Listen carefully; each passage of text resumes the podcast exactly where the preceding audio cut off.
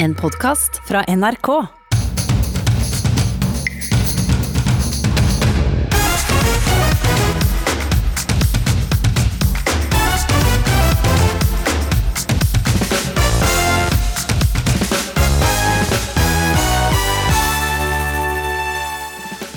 Dramaet fortsetter, for Trond Giske skal likevel opp på talerstolen til Trøndelag Ap i dag. Jeg skal si litt om det. Jeg kommer til å ta ordet fra talerstolen, så jeg skal si det derfra. Ja, og Kan du bare si temaet for budskapen din? Nei, Godt forsøk. Du får ta det når jeg er på talerstolen.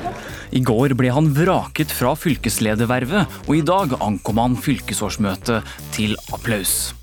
Den nye oljefondsjefen Nicolai Tangen starter jobben på tirsdag. Thomas Fingeren Gullestad er en av få som har vært på innsiden av Tangens nye arbeidsplass. Det er nesten så jeg ikke får lov til å si det, selvfølgelig. Eh, For det er utrolig myteomspunnet eh, sted. Eh, Men ok. Og hjelper det å stikke nåler i fødende kvinner? Norske sykehus burde heller bruke noe som virker, sier vitenskapsskribent. Vi har forskning som viser at dette virker, svarer jordmor og avdelingsleder på Ullevål sykehus. Velkommen til den aller siste sommerlørdagen. Jeg er Filip Johannesborg, og du lytter til Ukeslutt, som skal følge deg helt frem til klokken 14 i dag. Nå setter vi oss på pinebenken, for straks skal vi til Trøndelag og høre siste nytt fra Arbeiderpartiets møte der.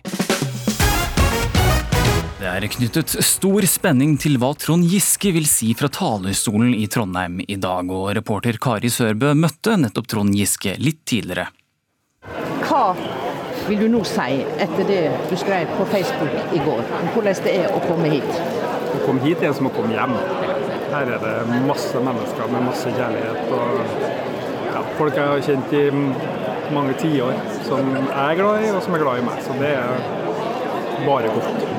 Men du skriver jo på Facebook hvorfor du nå ikke orker mer. Eh, Når var det du skjønte at du ikke ønska å eh, bli renominert til Stortinget?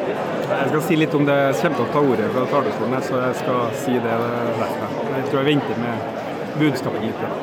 Men nå ser du jo at det fremdeles ikke er eh, ro. Nå har valgkomiteen bestemt seg for én person på bakgrunn av det som Arild Grande har fortalt oss nå om dette med varslinga. Altså, hva tenker du om partiet ditt når du registrerer at eh, det slettes ikke er ro, at det nå faktisk kan bli kampvotering mellom to kvinner? Jeg har ikke noen kommentar til det. der. Nå må prosessen bare få lov å gå sin gang. Det er årsmøtet som er samla nå, og nå får endelig medlemmene sagt sitt, tenker jeg.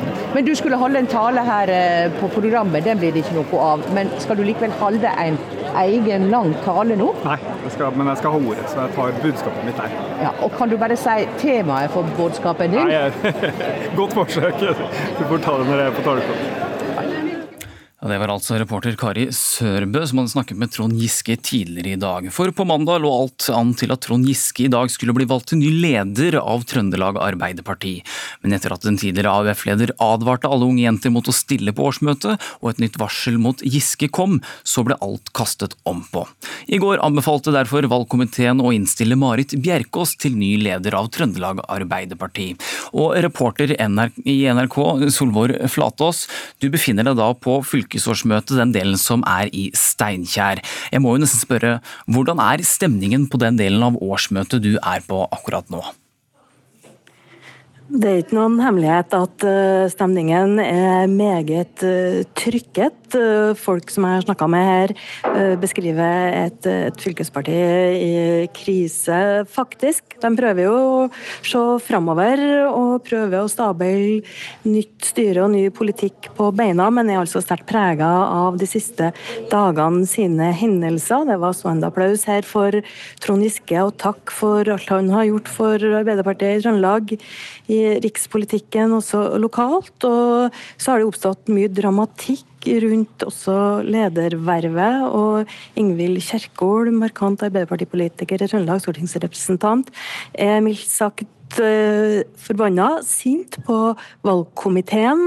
Hun var foreslått som leder, eller det gikk rykter i går om at hun kunne bli leder, men eh, det ble altså ikke noe av det puslespillet der. Så det er et meget sterkt prega Arbeiderpartiet i Trøndelag som er samla. Står sammen med avtroppende leder Per Olav Hopse. Han kan jo få lov til å beskrive stemningen, han?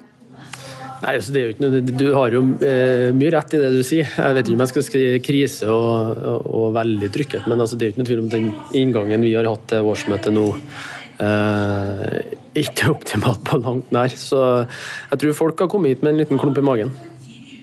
Uh, Ingvild Hopsø er sint Nei, Ingvild Kjerkol er sint. Per Olav Hopsø.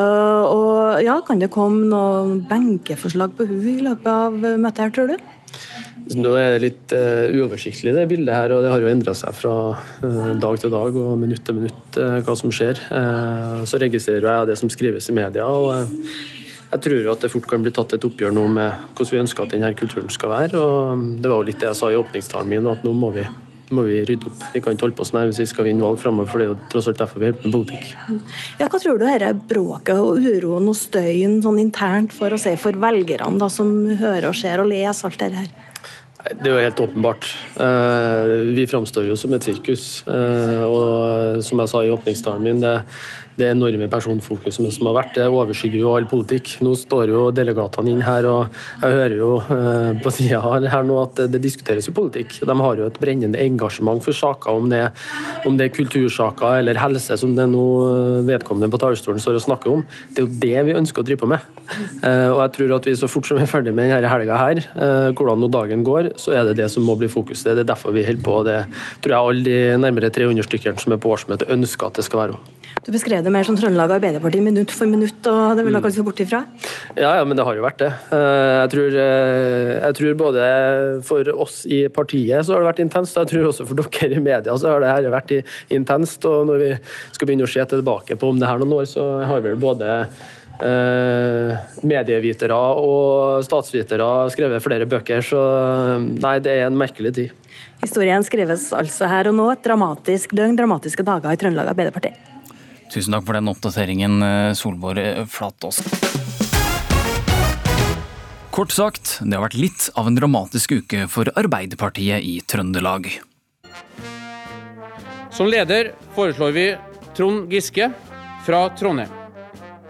Alle foreldre skal tenke seg om to ganger før de sender dattera si på årsmøte i Trøndelag Arbeiderparti. Og For meg så er det utrolig viktig nå å vise disse kvinnene at de har partiet i ryggen si at Trond er den flinkeste politikeren vi har. Og så er det lov til å komme tilbake, enten etter Trond Giske eller eh, Petter Northug. Det er en vanskelig sak for mange, og jeg skjønner at de eh, reagerer. I mine øyne så er det da ingen vinnere i det hele tatt. Valgkomiteens leder presenterte den nye innstillingen. Leder Marit Bjerkås fra Rennebu.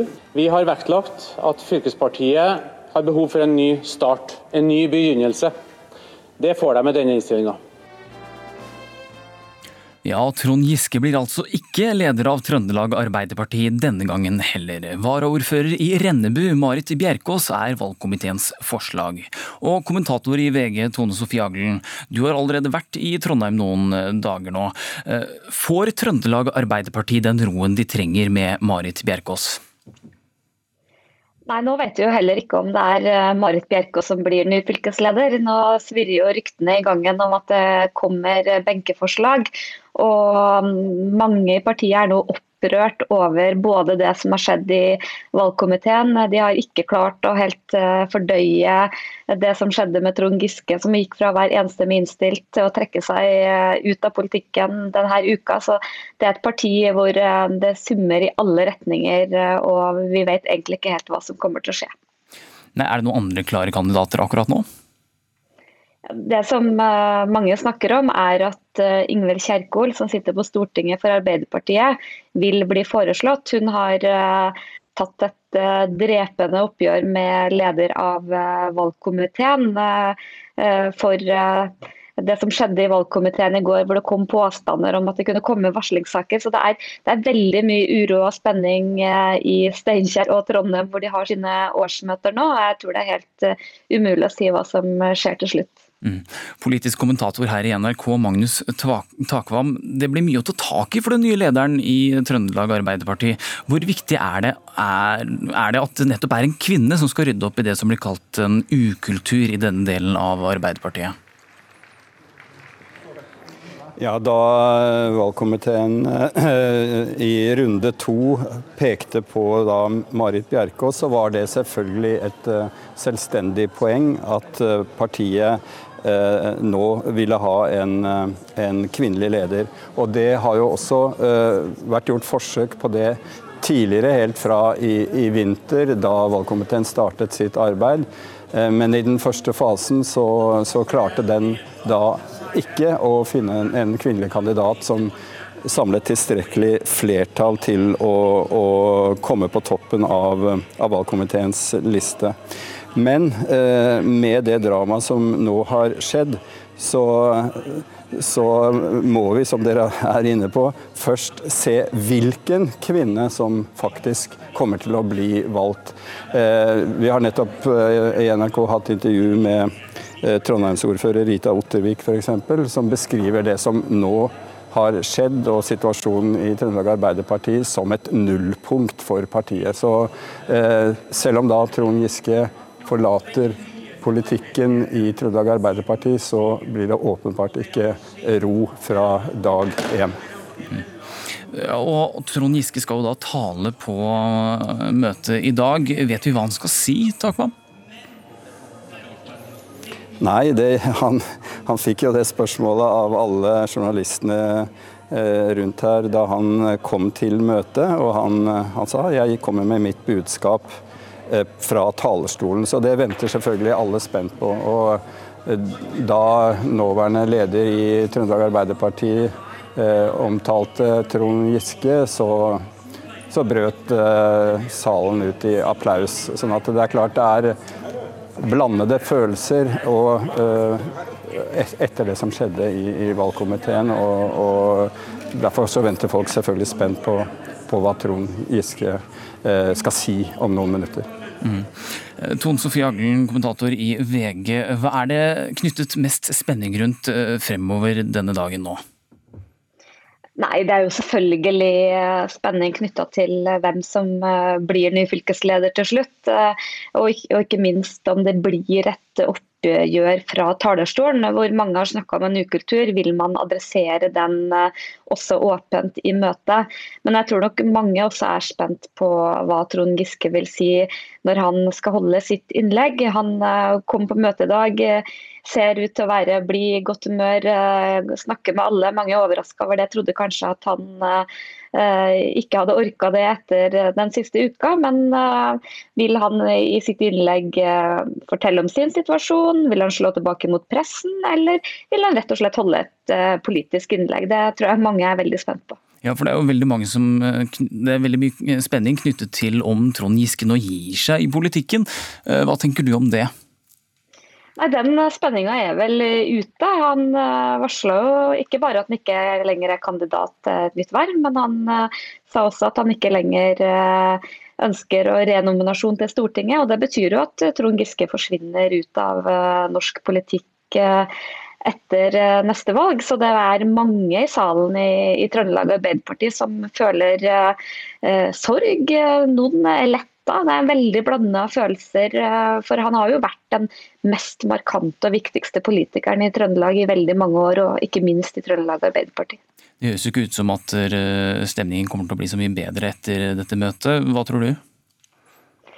Jeg tror det er så mye konflikter og underliggende ting som har vært en verkebyll i partiet så lenge jeg tror mye av det skal ut, og at de er nødt til å begynne med litt sånn eh, blanke ark. Og, så Jeg ser ikke helt for meg at de går fra hverandre med god stemning og optimisme. Det er nok flere runder som skal tas i partiet. Mm. Magnus eh, Takvam, det er jo ett år igjen til valget som Arbeiderpartiet har satt seg fore for å vinne.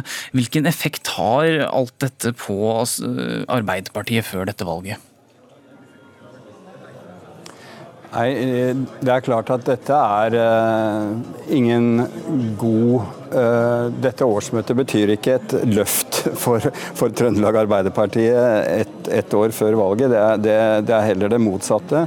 Sånn at de har en veldig stor jobb å gjøre, de som nå blir valgt i den nye ledelsen, for å få politikk på dagsordenen igjen her, her i regionen. Det er klart at utfordringen for eh, Trøndelag Arbeiderparti i den sammenheng er, er den samme for så vidt som Arbeiderpartiet ellers i landet, eh, med et, utfordringer fra både Senterpartiet og, og SV. Og det er en del som, som frykter da, at det som nå skjer, med tross alt en ledelse som ikke er så profilert og, og har så stor gjennomslagskraft som Trond Giske har hatt, Eh, at det, det, kan føre til at mange Faren for at mange går over til SV og Senterpartiet er liksom eh, er, er, er en spådom en del har. Men eh, der, vi får se hvordan, hvordan den nye lederen håndterer det. og vi får først følge med på dette møtet og, få vite hvem, hvem, det til slutt blir. Ja, det er Sjelden har vel noen fulgt et fylkesårsmøte på samme måte. Tusen takk for at dere var med, Tone Sofie Aglen og Magnus Takvam. Denne uken ble det klart at nye oljefondsjefen må selge unna fondsandeler for 5 milliarder kroner. Han vil tape penger på å sette dem i banken, så hvorfor ikke bare bruke dem opp? Ukeslutt tok med seg Snap og No med Lene Drange på shopping. Du, det er ekstremt mye penger. Sånn helt vanvittig, sånn at du ikke helt klarer å forestille deg. Så mye penger er det. Og studenter skal nå under forskningslupen. Vi får med oss to koronasmittede studenter i Bergen og Folkehelseinstituttet til å snakke om den store forskjellen mellom forkjølelse og korona. På tirsdag skal endelig Nicolai Tangen få begynne i den nye jobben sin som oljefondsjef. Etter mye medieomtale og kritiske blikk fra den ene og den andre, sitter Tangen igjen med rundt syv milliarder på bok, og ikke minst en fast jobb i en av de mest myteomspunne arbeidsplassene i landet. Jeg tok en prat med Thomas Fingeren Gullestad, en av de få som har vært på innsiden av Norges Bank. Hvordan vet alt dette? Det er fordi jeg har vært på innsiden. Jeg er en av de få som har vært på innsiden. Skuespiller og musiker Thomas Fingeren Gullestad er ganske alene om å ha gitt Norges Bank en visitt. Åh, det er nesten så jeg ikke får lov til å si det, selvfølgelig. Eh, for det er utrolig myteomspunnet eh, sted. Eh, men ok. Han har gestaltet rollen som oljefondsjef i serien Oljefondet, og har førstehåndskunnskaper om stedet som vil bli Nicolai Tangens nye arbeidsplass. Man går inn i en flott lobby. Det er mye marmor, det er mye tung stein. Eh, mye eh, fine, blanke overflater. Men, men selve lobbyen, eh, altså resepsjonsområdet, er jo veldig, altså ganske lite. Så du tenker jøss, var det alt? Nei da, det er det ikke. Fortsatt er vi på et sted for vanlige dødelige. Det er to messingsluser der. Du går inn da i, et, i en av dem, i et som er en sånn kammer. Eh, så lukker døra bak seg, en glassdør. Eh, så da blir du stående inne i det kammeret, og da blir du eh, veid, blant annet. Og passer du vekta, og med riktig adgangskort og kode, så kommer du inn til det helligste. Du kommer ganske umiddelbart inn i et sånt oppholdsrom hvor det er Det er der hvor de spiser lunsj, det er der hvor de har julebord. Det er der hvor liksom alt skjer. For de pleier å holde om de har en sånn fredagspils, så pleier de å holde det inni inn disse lokalene. Sånn at ingen skal liksom uh, bli fulle og gale og løpe uh, drive og gi tips uh, om aksjer til tilfeldige folk som altså om de hadde hatt på en bar eller et eller annet sted. Da. Så de holder det, det er veldig sånn kontrollert. Dette vet Gullestad. Han har nemlig underholdt på julebordet til Norges Bank. Men én ting er Tangens nye arbeidsplass. En annen ting er de nye kollegene. Jeg føler at alt ved dette stedet er uvanlig. Men uh, de er vanlige folk. De har to, både to armer og to bein. Uh, og de, men de, de, er typisk sånn at de, de kan snakke liksom mange språk. Uh, de, så de behersker mye. De er veldig sånn selvsikre. Veldig trygge på hvem de selv er. Du føler at du, at du blir blir, de er veldig liksom, gjestfrie. De er veldig glad for å få andre folk inn der, fordi de holder seg veldig mye for seg selv. Så jeg følte at det ble utrolig godt mottatt da jeg kom på besøk der. Økonomikommentator i NRK Cecilie Langen Becker tror Tangen har litt sommerfugler i magen før den store dagen. Jeg tror han er eh, veldig spent. Han skal jo begynne da i ny jobb eh, på tirsdag som oljefondsjef. Og så har han jo ofret veldig mye for å komme dit. Eh, sånn at jeg, jeg, tror nok ikke at han sitter med en sånn vondt i magen fordi han har gitt fra seg eh, noe sånt som 10 milliarder kroner for å få jobben. Tangen har nemlig måttet selge sine fondsandeler i Aco Capital-fondet. De er verdt 5 milliarder kroner og settes i banken. Der har han to milliarder kroner fra før, men disse pengene kan han ikke sette et sted som kan komme i konflikt med oljefondet. Finansanalytiker i Sparebank1, Pål Ringholm, finner frem kalkulatoren. For nå Nå går det litt i surf med hvor mange milliarder det er, men det er snakk om fem milliarder og sånt, som skal plasseres til 0 rente, og med litt uflaks med negativ rente. Og som ikke det er nok, så kommer jo eh, Skattefuten og skal ha formuesskatt. For vi i Norge er et av de få land i verden som har den slags på bankinnskudd. Og som ikke det er nok, så kommer inflasjon, så pengene blir mindre verdt. Så eh, da er det egentlig spørsmål hvor mange år skal han beholde den jobben her. For hvert år eh, taper han en anselig del. Men hvor mye er egentlig fem milliarder kroner? Programleder i Luksusfellen og økonom Lene Drange har også funnet frem kalkulatoren. Du, det er ekstremt mye penger. Sånn helt vanvittig, sånn at du ikke helt klarer å forestille deg. Så mye penger er det. Um, men så har jeg funnet ut Vet du hva han kunne fått råd til med de pengene der? Nye Nasjonalmuseet. Og hvis du ikke er så glad i kunst Du, eller man kunne Vi sier jo det at et barn fra 0 til 18 år koster 2 millioner. Så du har jo 2500 barn, da. Som man kunne oppdratt. Altså fra vugge til eh, hva skal man si, første sixpack? Ja. Ja, ja, på en måte. Ja, eller til de skal ut av døren, på en måte. Uansett hva Tangen velger å gjøre med sine penger, så burde han i hvert fall ikke sette dem i banken. Så hvorfor ikke bare bruke dem opp? Du, nå er vi på det nye Valkyrien shoppingsenteret i Bogstadveien. Eh, her får man bare lyst til å bruke penger, bare man går inn der. Men selv her ville nok ikke Tangen kjent at lommeboken skiftet tyngde. Eh, her har du da 19 999 for en skinnkåpe. Nei, ja, ullkåpe er det. Altså, jeg har en sånn fra Sara. Du er veldig fornøyd? Ja, jeg er veldig fornøyd. Den ser helt lik ut, nesten. Tangen kunne nok kjøpt hele butikken og fortsatt gått i pluss. Så Det er begrensa for et løpende forbruk han kan ha, da. Så det går nok sikkert bra med han likevel. Så da gjenstår det vel bare ett alternativ, da, Pål Ringholm. Å ta de ut?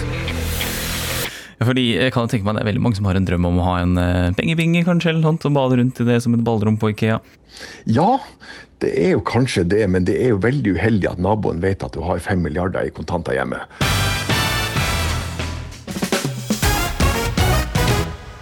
To kamerater sitter isolert sammen i studentleiligheten sin i Bergen. De er begge smittet med korona, selv om de bare er litt tette i nesa. Rundt 50 studenter er nå smittet siden studiestart, og de aller fleste av dem ja, de er i Bergen. Og Joakim Finnsæter og Håkon Østensjø, dere er med oss på telefon, og er noen av disse smittede i Bergen. Og vi kan jo begynne med deg, Joakim. Mange i din faddergruppe er blitt smittet av korona. Hvordan fant du selv ut at du var blitt smittet? Uh, nei, det var egentlig ikke så lett å finne ut av. Fordi uh, vi har, som du var inne på, så har vi jo veldig svake symptomer. Så um, det gikk seg slik at uh, det startet jo med at en i faddergruppen sa at jeg følte seg litt dårlig på søndag forrige uke. og så skulle dra og teste seg, og så da var det et par som slang seg med på dette og dro og testet seg. Eh, og så Etter hvert så begynte jo bare beskjedene å renne inn, holdt jeg på å si, og flere og flere som var smittet. Eh, og Da skjønte jeg og Håkon at ok, da er det på tide at vi også drar og tester oss. Og Da dro vi og testet oss, da, og så gikk det tre dager, og så fikk vi telefon fra kommuneoverlegen i Bergen og fikk svar på at vi hadde testet positivt. Mm. Hvordan reagerte du på den beskjeden da den viste seg å være positiv, den testen?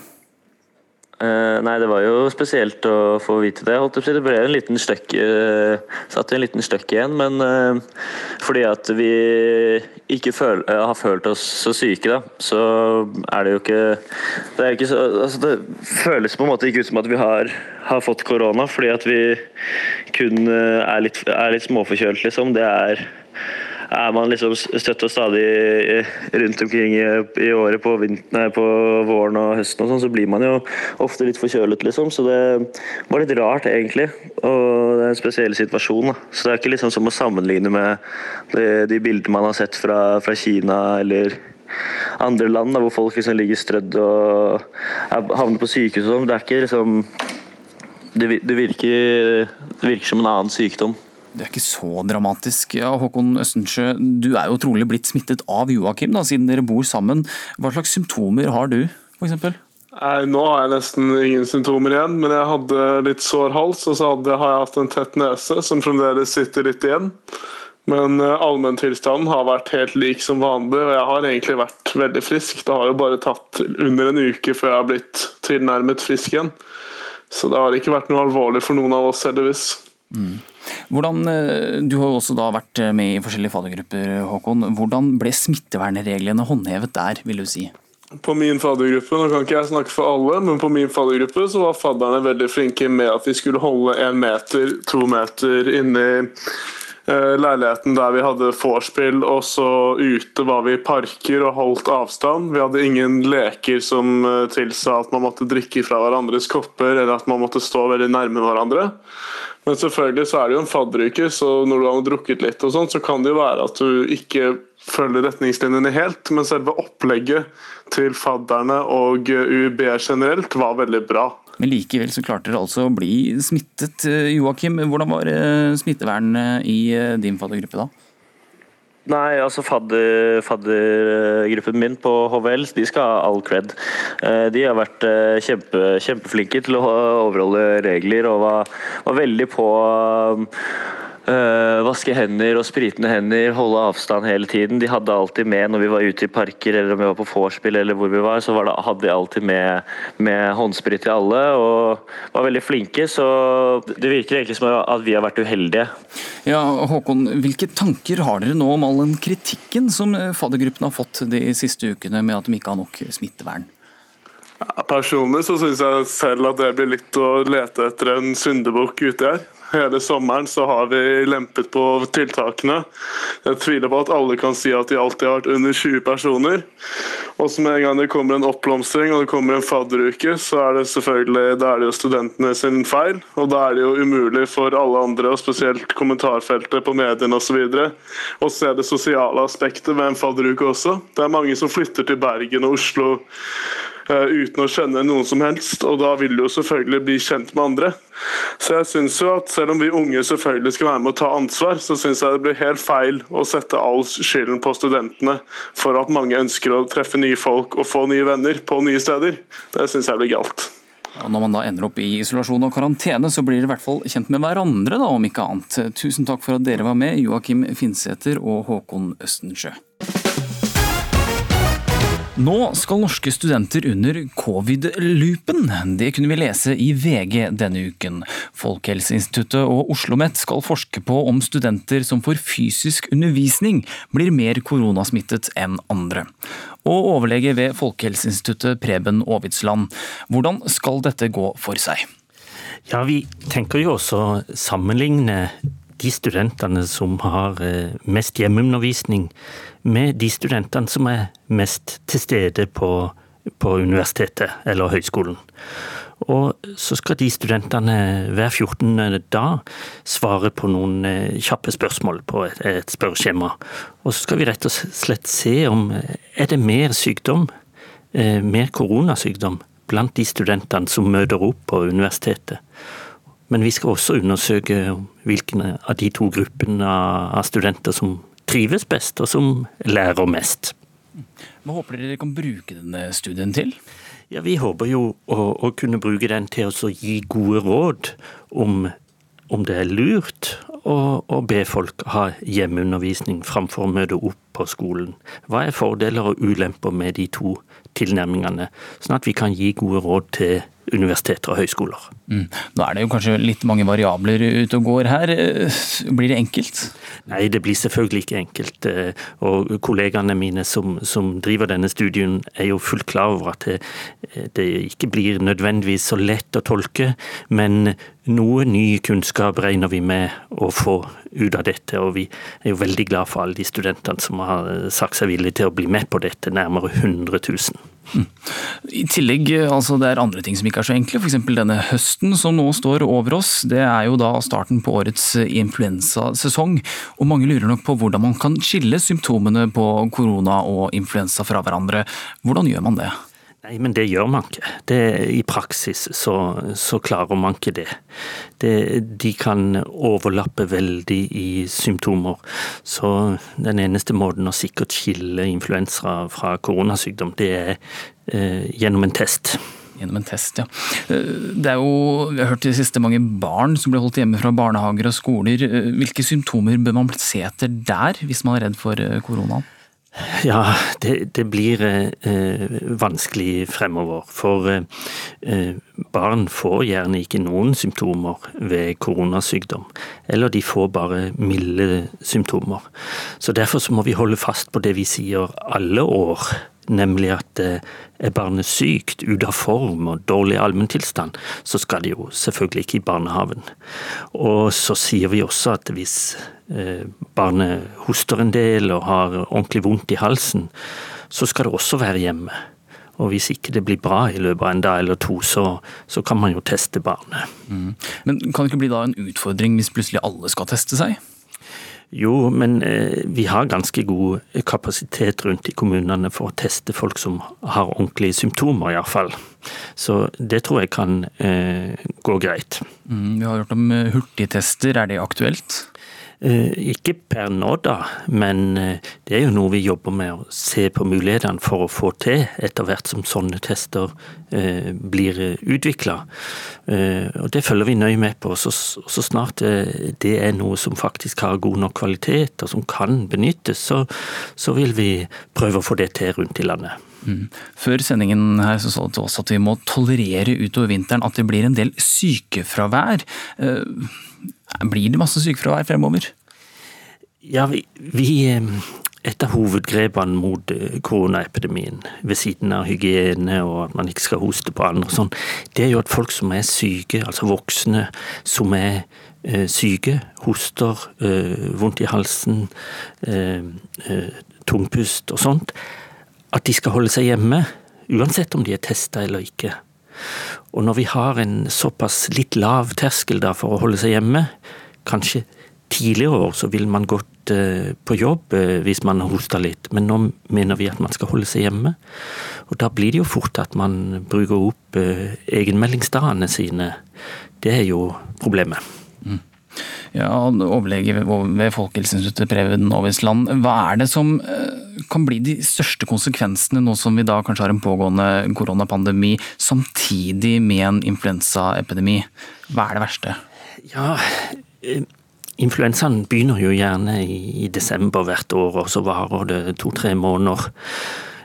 Forhåpentligvis så så vil de tiltakene vi har gående mot koronaepidemien føre til mindre influensa i samfunnet også, fordi at uh, influensaen smitter jo på samme måte. Så hvis vi er gode til å holde avstand og holde oss hjemme når vi er syke og sånn, så blir det antagelig mindre influensa også. Men det vi er redd for, det er jo at uh, komplikasjonene av de to infeksjonene er også de samme, nemlig at folk trenger å legges inn på sykehus og eventuelt på intensivavdeling. Hver vinter så har vi 4000-5000 mennesker som må på sykehus med influensakomplikasjoner. Og hvis det kommer samtidig med, en, med lokale utbrudd eller større oppblussing av koronaepidemien, ja, så over, overbelaster vi jo sykehusene betydelig. Så Derfor så blir det viktig nå gjennom vinteren at alle følger disse avstandsreglene og hygienereglene. Vi det bli siste ord. Tusen takk for at du var med i Ukeslutt, Preben Aavitsland.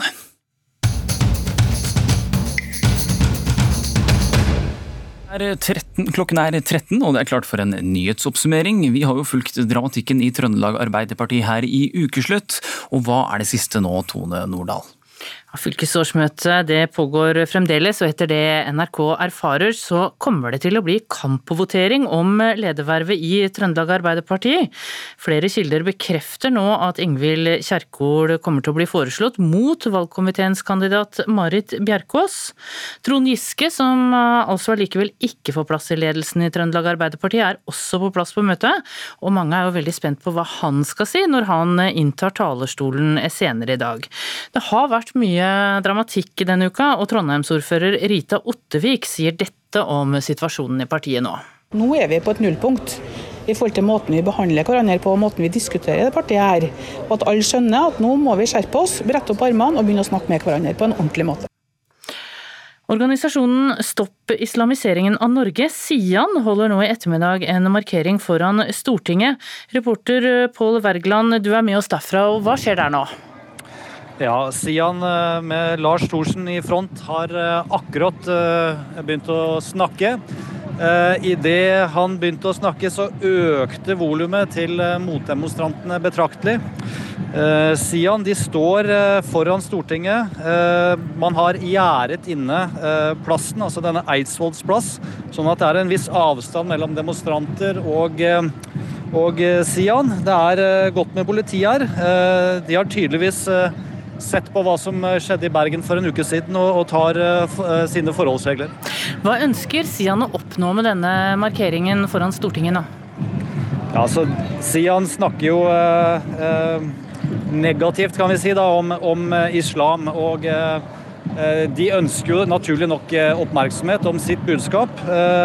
I og med at det er såpass mange demonstranter her, og det er ganske bra med, med journalister også, så får de jo det.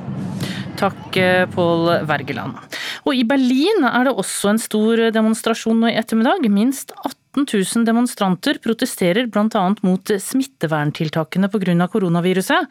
Politiet frykter at det skal bli bråk og sammenstøt der også, og kalte ut 3000 eh, politifolk i den tyske hovedstaden.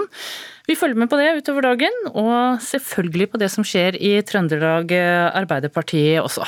Tusen takk for den nyhetsoppdateringen, Tone Nordahl. Vi skal snart til republikanernes valg, valgkamp eh, her i ukeslutt.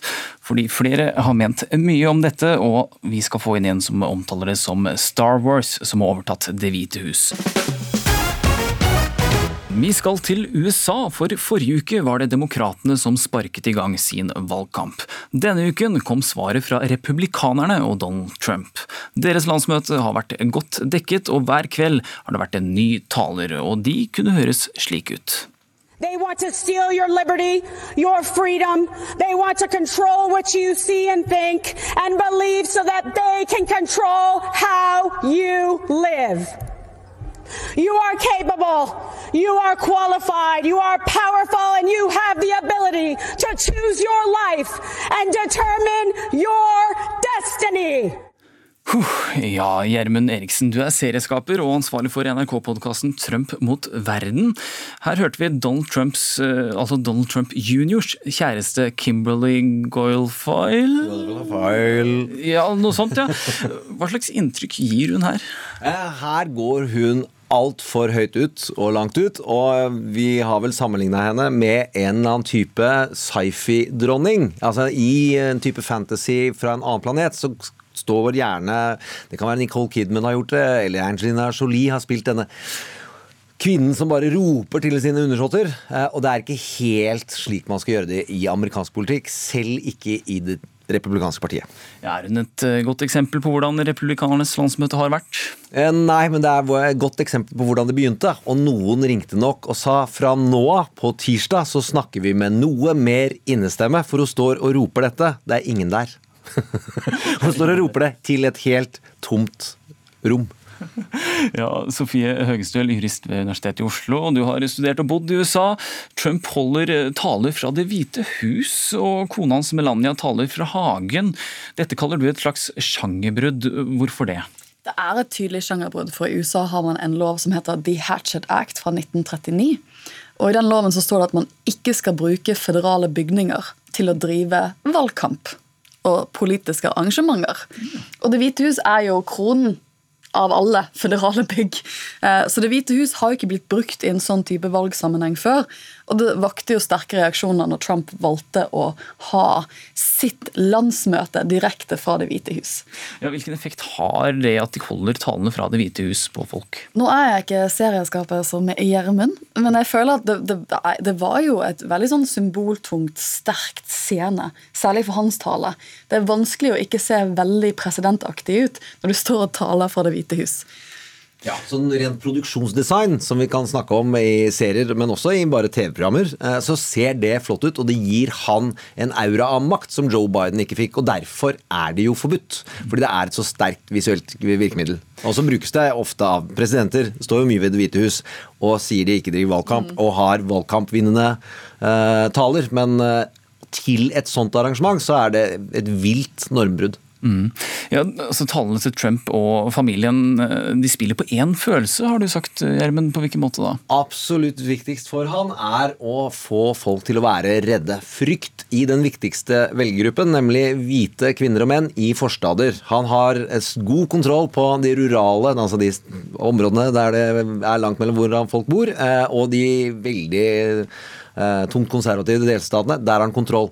Men å få de til å være redd for eiendommen sin, være redd for økonomien sin, være redd for at det kommer truende mennesker inn i livet deres. Og frykten for vold har de siste ukene steget som et av de viktigste kriteriene folk velger eh, partiet ut ifra. Og den var borte før sommeren, og gjør meg bekymra. Mm. Ja, for mens vi ser Trump og familien hans eh, hver dag, så ser vi ingen tidligere presidenter snakke varmt om Trump, slik de gjør på demokratenes eh, side. Hvorfor er ikke disse republikanerne med, Sofie Gustøl? Altså, vi har jo spilt inn podkast denne uken, eh, Trump mot verden, og der sa vi at det er jo litt sånn symboliserer den skilsmissen som har skjedd i det republikanske partiet hvor Donald Trump kommer ut fra sidelinjen for fire år siden, brøyter seg inn og vinner nominasjonskampen mot de andre gutta som partiet egentlig hadde posisjonert til å bli neste president for republikanerne. Eh, og da reagerer jo partieliten ved å først ikke ville altså De sa jo slaktet han jo når han stilte som presidentkandidat. ikke sant? Sa masse stygge ting om han. Som Lincoln eh, Project, som er en sånn eh, eks-republikansk gruppe, liker å spille av videoer av alle de tingene de sa. Men så vinner han jo primærvalgkampen og blir president. Og da kvitter han seg med mye av den partiliten. Så det var ikke noe tidligere folk som har jobbet for George W. Bush. Mm. Det var ikke noe tidligere Cheney-folk. Det var ikke noe Mitt Romney-folk. Den gamle partieliten som man ville forventet å se der, som holdt disse talene for ja, åtte år siden, da, de var ikke invitert. Har han rett og slett tatt over partiet? Mange mener at dette, særlig de siste fire dagene, symboliserer den graden han har tatt over partiet. Det er Trumps parti nå, det er ikke de gamle gutta som styrer showet lenger. Mm. De har jo vanligvis et partiprogram som man bruker konventet til å vedta, akkurat som man gjør i Norge. Og det tok man rennafart i, og sa alle sammen at vi er enig i det han sier, og det han er imot. Mm. Uh, og det er vel det nærmeste man kan komme en uh, ren eh, overtakelse. Mm. Altså, det går jo mot eh, valg, selvfølgelig. Vil dette her, dette showet, om man kan kalle det det, øke Trumps vinnersjanser, tror dere? Kan du begynne med deg, Gjermund? Eh, det konventet her var langt over forventa. I kvalitetsmessig og gjennomføringsevnen hans har vært ganske lav på TV-sendte taler og sånn. Han er ikke flink nok i detaljene. Dette her var høykvalitets-TV, men der Eh, Demokratene lagde litt sånn NRK fredagsunderholdning med Lindmo og Nytt på Nytt, Feel Good. Så var dette mer Apprentice og eh, Onkelen. Altså, det er nesten når de kom inn på scenen, det ser jækla godt ut, eh, så er det nesten så alle fått en rose. Hva tror du, Sofie Høgstøl? Jeg tror også at han oversteg forventningene. Og så kom han med et veldig tydelig budskap. Det var en lang tale.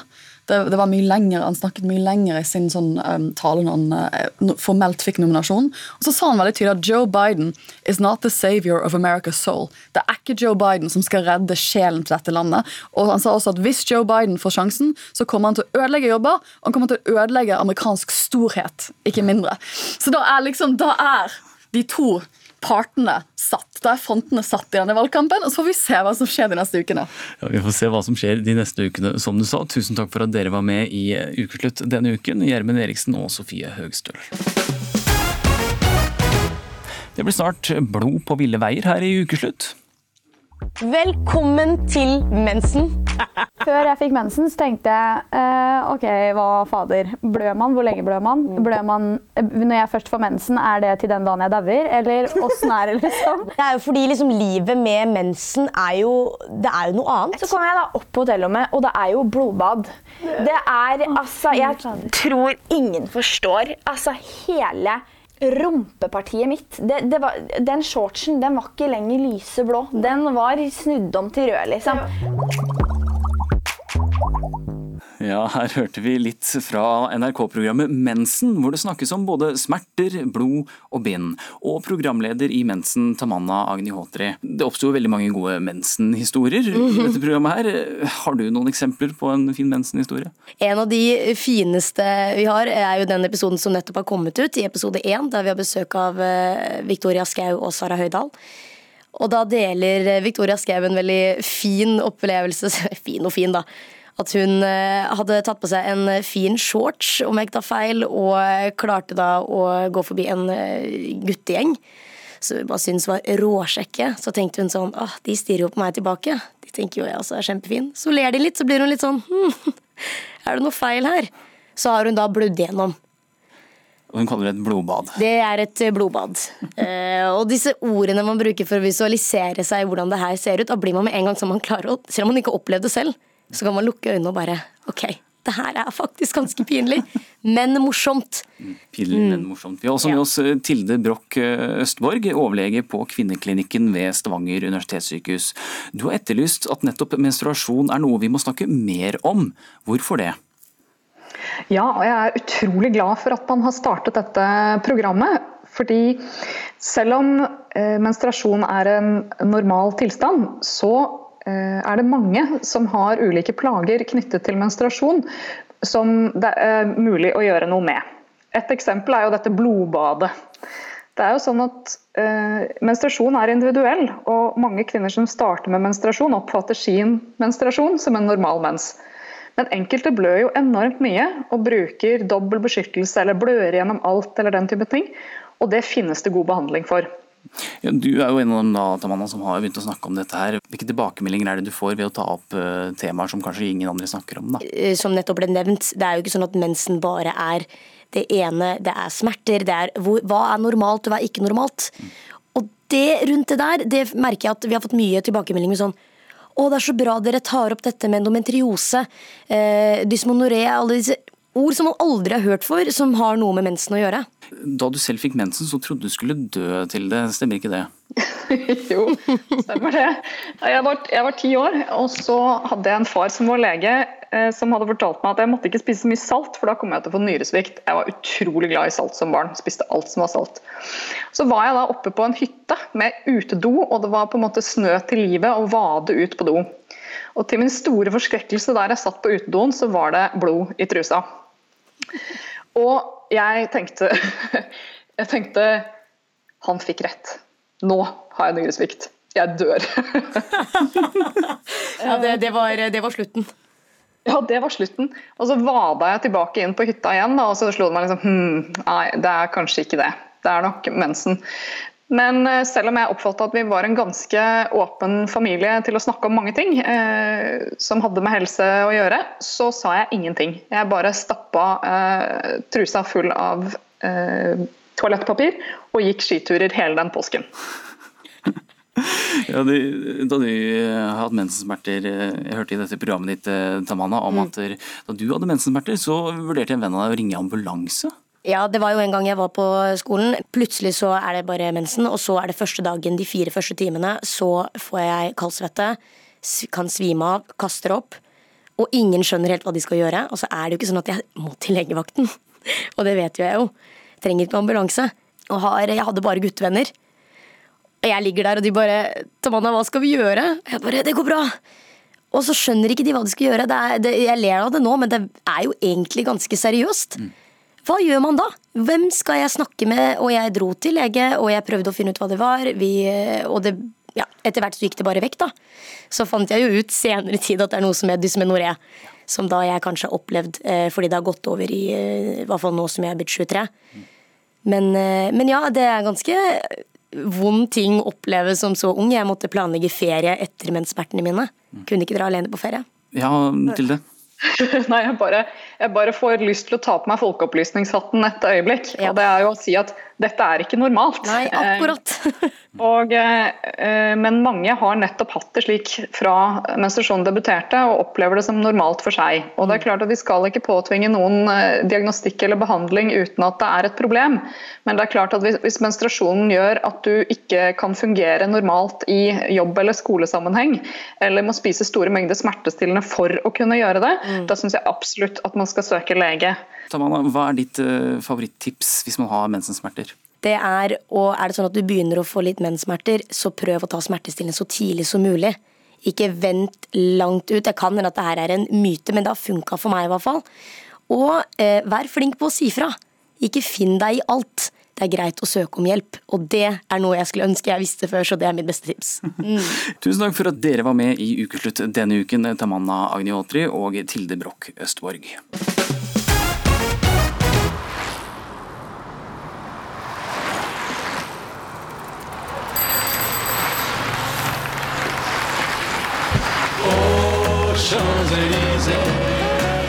Ja, for om kort tid starter verdens mest berømte sykkelritt, nemlig Tour de France. Og i år blir det kanskje enda mer dramatisk enn noensinne, for flere av rytterne tviler på at årets Tour kommer til å komme seg helt til siste etappe, nemlig Champs-Élysées i Paris. Grunnen er en kraftig økning i covid-19-smitte i Frankrike. Og Ole Kristian Stoltenberg, du er NRKs sykkelekspert. Du skal ha sendinger på NRK under hele Tour de France, og nå starter det straks. Gleder du deg? Du, Veldig. Det er godt å, altså det er jo den kanskje største årlige sportsbegivenheten som går, Tour de France. Du er inne på det. Lang historie, selvfølgelig. Dette er kjempegøy. Og veldig glad for at vi kommer i gang, det må jeg si. For man er jo litt sultefòra på idrett nå, da. Det er man. Ja, for man kommer i gang også. Det er jo flere av rytterne som tviler på om de kommer seg helt til siste etappe.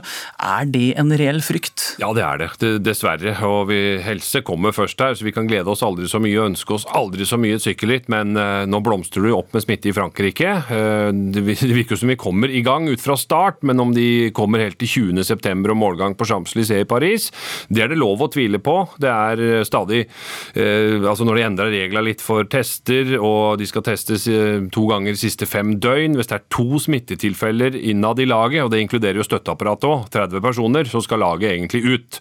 Så var det et lag som hadde det, eh, så endra de reglene, men så har de nå endret tilbake igjen rett før start. og ja, altså To positive koronatester innenfor en ukesperiode da, på samme lag. Så det kan hende i hvert fall noen lag ryker ut her. Eh, det kan hende hele rittet blir stoppa hvis eh, myndighetene griper inn, da. Dessverre, men det, det må vi støtte, for helsa går foran. Mm. Ja, for det er jo ikke bare rytterne, for så vidt. Det er også alt dette rundt. Eh, fordi det er jo, Tour de France er kjent for folkefesten sin. Folk lager høyballhilsninger langs strekningen, og andre klatrer opp på fjell med flagg. Og store forsamlinger og mennesker ja, de står gatelangs og heier. Hvordan blir denne folkefesten i år? Den blir jo dempet. Det er to ting man skal huske på. Skal man være tilskuer, alltid to meter avstand til rytterne. Dette er en idrett hvor man vanligvis kommer veldig tett på, eh, men det her blir lite selfie og lite autografer. Og så skal du ha med deg munnbind og antibac. Så vidt jeg har forstått det, hvis dette passerer der stedet du bor, så er det lov å gå ut og heie på rytterne, men de store ansamlingene i fjellsidene spesielt, hvor folk har campa av og til en, nesten en uke i forkant, og noen hundre tusen mennesker her og der, det, der blir det restriksjoner. Så varsomhet, men ut i frisk luft der de passerer, med god avstand til andre, det, det ser jeg for meg er lov. Mm. Og En annen ting som blir litt annerledes i år, det er at når rytterne kommer i mål, så møtes de ikke av vakre kvinner som deler ut kyss og blomster. Tour de France har nemlig bestemt seg for å droppe podikvinner etter massiv kritikk. Hvordan er denne nyheten blitt eh, møtt? Det er noen få som har ment at nei, det må vi beholde, ellers så syns stort sett de fleste at den tid kanskje er, er, forbi. Så det er vel, og Spesielt i år så er det jo også greit med koronaen, men at det, fortsettelsen på det blir sånn, det, det, tror jeg nok. Så de som har en funksjon, skal dele ut noe, jobber der oppe på scenen, de, de skal være der. Og så trenger man og det, det, er, er staselig nok, selv om man ikke har, har podiumkvinner på plass på disse sykkelrittene. Vi endra det i Norge for noen år siden, tok de bort. Så nå er, det Frankrike som følger, følger etter. Det er nok greit nok for de aller fleste. Ja, og med tanke på smittevern så er det kanskje greit med få kyss eh, i disse dager. Takk for at du var med oss, sykkelekspert her i NRK, Ole Kristian Stoltenberg. Og Tour de France det kan du følge på NRK Sport og nrk.no fra klokken 14. Tusen takk. Nå over til noe helt annet.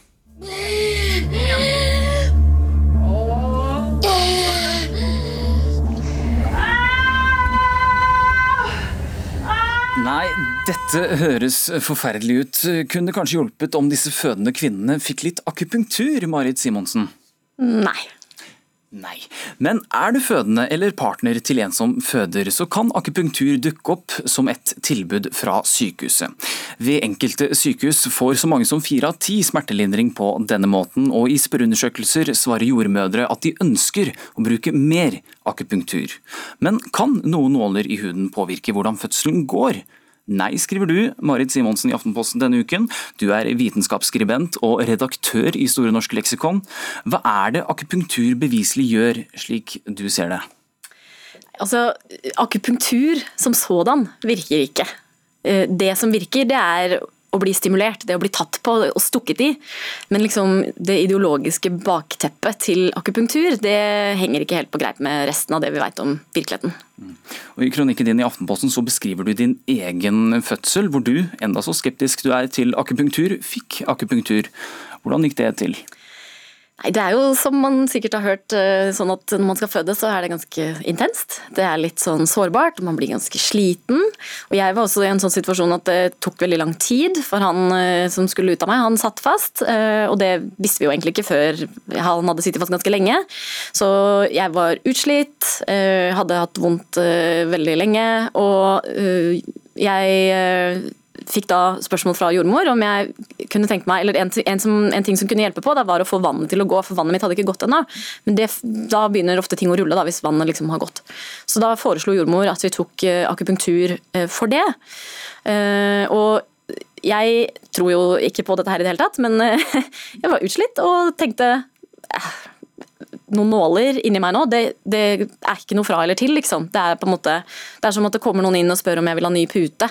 Det er så lite. Så, så jeg sa ja. Det var egentlig lettere for meg å si ja enn å begynne å argumentere og si nei, dette gidder jeg ikke å være med på. Du var kanskje opptatt av litt andre ting akkurat da? Jeg var opptatt av litt andre ting, ja.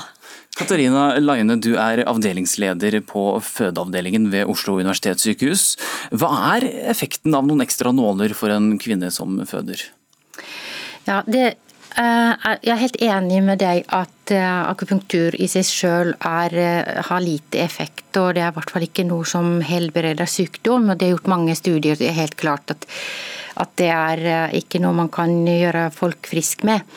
Det er noe spesielt med fødselssmerter. Det har er gjort en veldig flott randomisert kontrollert studie i Norge, faktisk, i sykehuset Østfold Fredrikstad som, hvor man sammenligna akupunktur med falsk akupunktur. Og det var publisert i 2003. Og den ble gjennomført av en jordmor som heter Else Silnand. Og den viste at kvinner som fikk akupunktur, opplevde mindre smerte enn kvinner som fikk falsk akupunktur. Og de hadde også mindre behov for epidural. Hva tenker du til dette, Simonsen? Altså, egentlig så er Det jo det er litt ulike spørsmål her, og da som bare kan skille ut med en gang. og Det ene er jo å bruke akupunktur mot smerte, som det fins litt dokumentasjon for at funker, som du beskriver. Det fins liksom et par studier som er kontrollerte, som tyder på at det funker for smerter. Men det er jo som jeg sa innledningsvis, at egentlig så funker det like bra, faktisk så funker det bedre å stikke saltvannsdråper inn under huden. Det har større smertelindringseffekt. Sånn at det tyder på en måte på at det er ikke egentlig akupunkturen som virker, det er jo det å bli stimulert.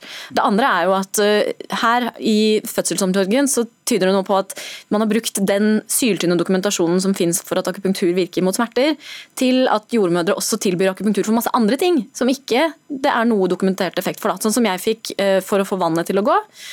Og etter at jeg skrev det her, så har jeg også fått meldinger fra andre som sier at de har fått det for å stoppe blødning. Det var en som hadde fått, og en som hadde fått det i en egentlig ganske akutt situasjon, hvor morkaken, morkaken skal jo da komme ut etter fødselen, og den hadde revnet på vei ut. Og da er det litt sånn Oi, nå må man kjappe seg så det ikke blir infeksjon og sånn. Og da hadde det blitt stukket nåler i henne før hun var blitt operert for å få ut resten av morkaken. Da.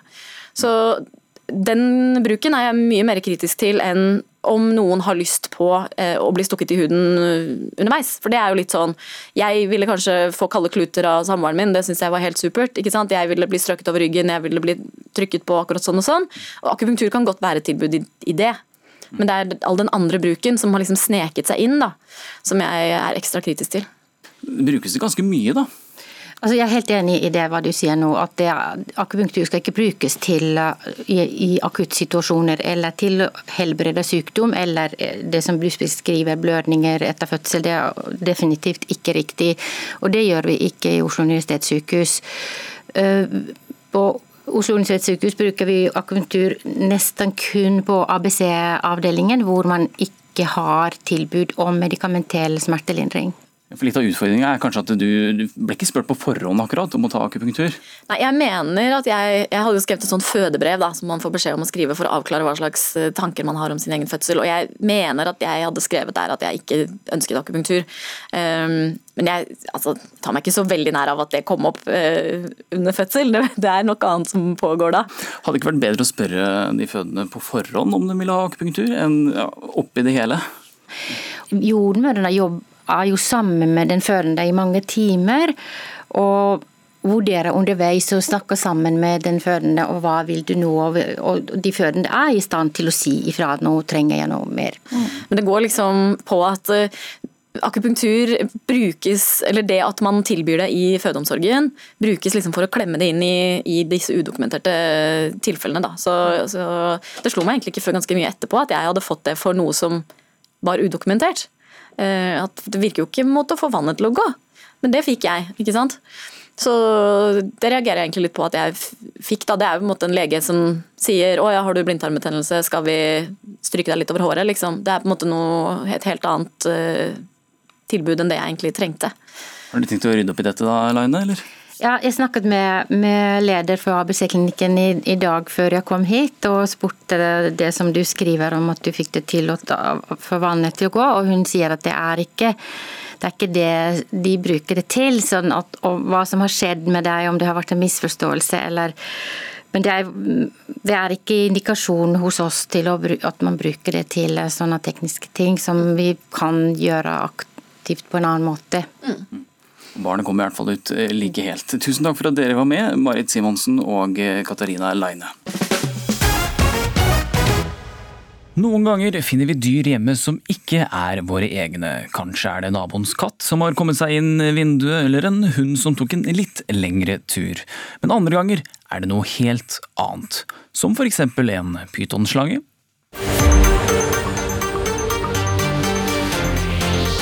Flere enn meg fikk nok eh, frysninger på ryggen av nyheten om pytonslangen som i går dukket opp i en leilighet på Frogner i Oslo. Det ble innslag i Dagsrevyen og flere andre steder da den ubudne gjesten, en slange på 1,5 meter, hadde sneket seg inn i en leilighet fra en nabo. På bilder kunne man se pytonslangen strekke seg ut i stua. Dette er jo en kongepyton, og de blir ikke så veldig mye større enn det der. Men det er en kveleslange. Det er en kveleslange ja. hva, hva kan den kvele? Et, et Kaniner. det er på den dimmen der. Altså. Og som zoolog Torfinn Ørmen kommenterte, så har slangene en helt egen evne til å dukke opp på uventa steder. De er utrolig flinke til å finne sånne, alt som er av lufteveier og alt mulig, og sno seg gjennom og gjemme seg bort og komme seg vekk. Altså, slanger er veldig flinke til akkurat sånt. Ja, og det er flere som har fortalt om sjokket av å plutselig møte på en slange i sitt eget hjem, enten det er på badet Og et halvt sekund etterpå så ser jeg på benken siden av vasken, og da lå altså den svære slangen bredt utover der og bak vasken. Eller i stua. Jeg skulle egentlig reise meg opp for å gå og hente noe på kjøkkenet, tror jeg, men så så jeg en bak gardina, og så åla han seg framover der sånn, og jeg for det første så bare skreik jeg ut og skjønte ingenting. Tenkte hvor kommer dette fra? Ja, et hyl eller to er forståelig når du plutselig møter en slange i ditt eget hjem. Camilla Bjerke jobber som dyrepasser i Oslo Reptilpark, og hun har et mer avslappet forhold til slanger. De fikk nemlig overta en liten luring som dukka opp på et uventa sted. Eh, da var det en kornsnok som ble funnet i en vaskemaskin, var det vel. Og det er vel rundt fire år siden nå, så det er faktisk den kornsnokken vi har på utstilling nede. Ja. så den bor jeg fortsatt. Hun betrygger folk med at slanger som det er lov å ha i Norge, ikke er så farlige som mange kanskje tror. De er omtrent like farlige som en kattunge, egentlig. Fordelen med slanger da, på en måte er jo det at tennene deres er veldig veldig tynne. Så hvis de først biter, så er det så vidt du får noe sår.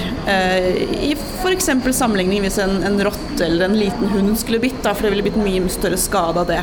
Men hva skal du egentlig gjøre om du plutselig har fått besøk av en slange? Jeg får prøve å løfte en kongepyton.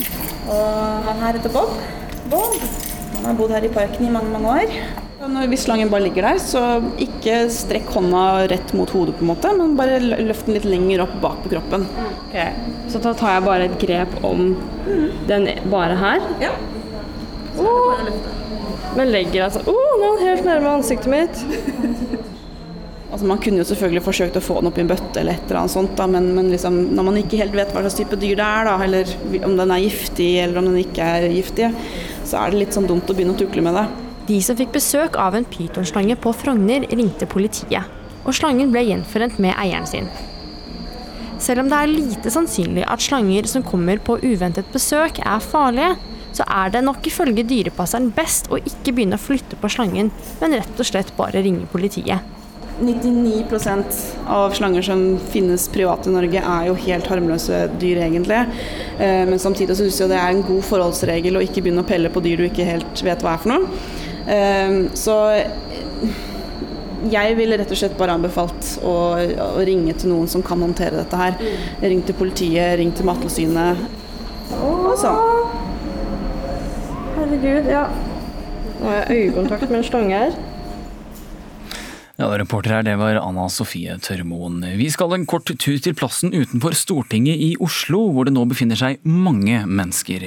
Organisasjonen Stopp islamiseringen av Norge, SIAN, holder i ettermiddag en markering der, og motdemonstranter har møtt opp. Reporter Pål Wergeland, hva er det som skjer der nå? Det har uh, vært tidvis anspent, vil jeg si, blant den uh, harde kjerne med motdemonstranter som står uh, i front ved sperringene. de har prøvd å, å, å riste og, å ta tak i, i gjerdene, og da kom ganske mye politifolk umiddelbart for å stanse det demonstrantene holdt på med. det er mye lyd. sånn sett så kan man jo si at motdemonstrantene lykkes da med den strategien og, og prøve å overdøve det som eh, blir sagt eh, fra talerstolen eh, foran Stortinget. Det er mye folk i sentrum. Det er lørdag og fint vær. Mange som er nysgjerrige. Stopper på siden og, og, og ser på det hele på litt sånn avstand. Har politiet grepet inn enda? Eh, politiet har stoppet eh, de forsøkene som har vært fra motdemonstrantene på å, å rive ned gjerdet i, i, front. Eh, da kom de umiddelbart, ganske sånn mannssterke, og, og fikk stoppet det hele. Tusen takk for den oppdateringen, reporter Pål Wergeland. Du kan følge med på nrk.no for videre utvikling. Da var ukeslutt over for denne gang. Ansvarlig for sendingen det var Line Forsmo. Teknisk ansvarlig Ina Laral Brenna. Og i studio Filip Johannesborg. I været hørte vi det var fare for torden i Trøndelag, og dramatikken på fylkesårsmøtet er heller ikke helt over. Følg videre i nrk.no eller NRK Dagsnytt. Du har hørt en podkast fra NRK. Hør flere podkaster og din NRK-kanal i appen NRK Radio.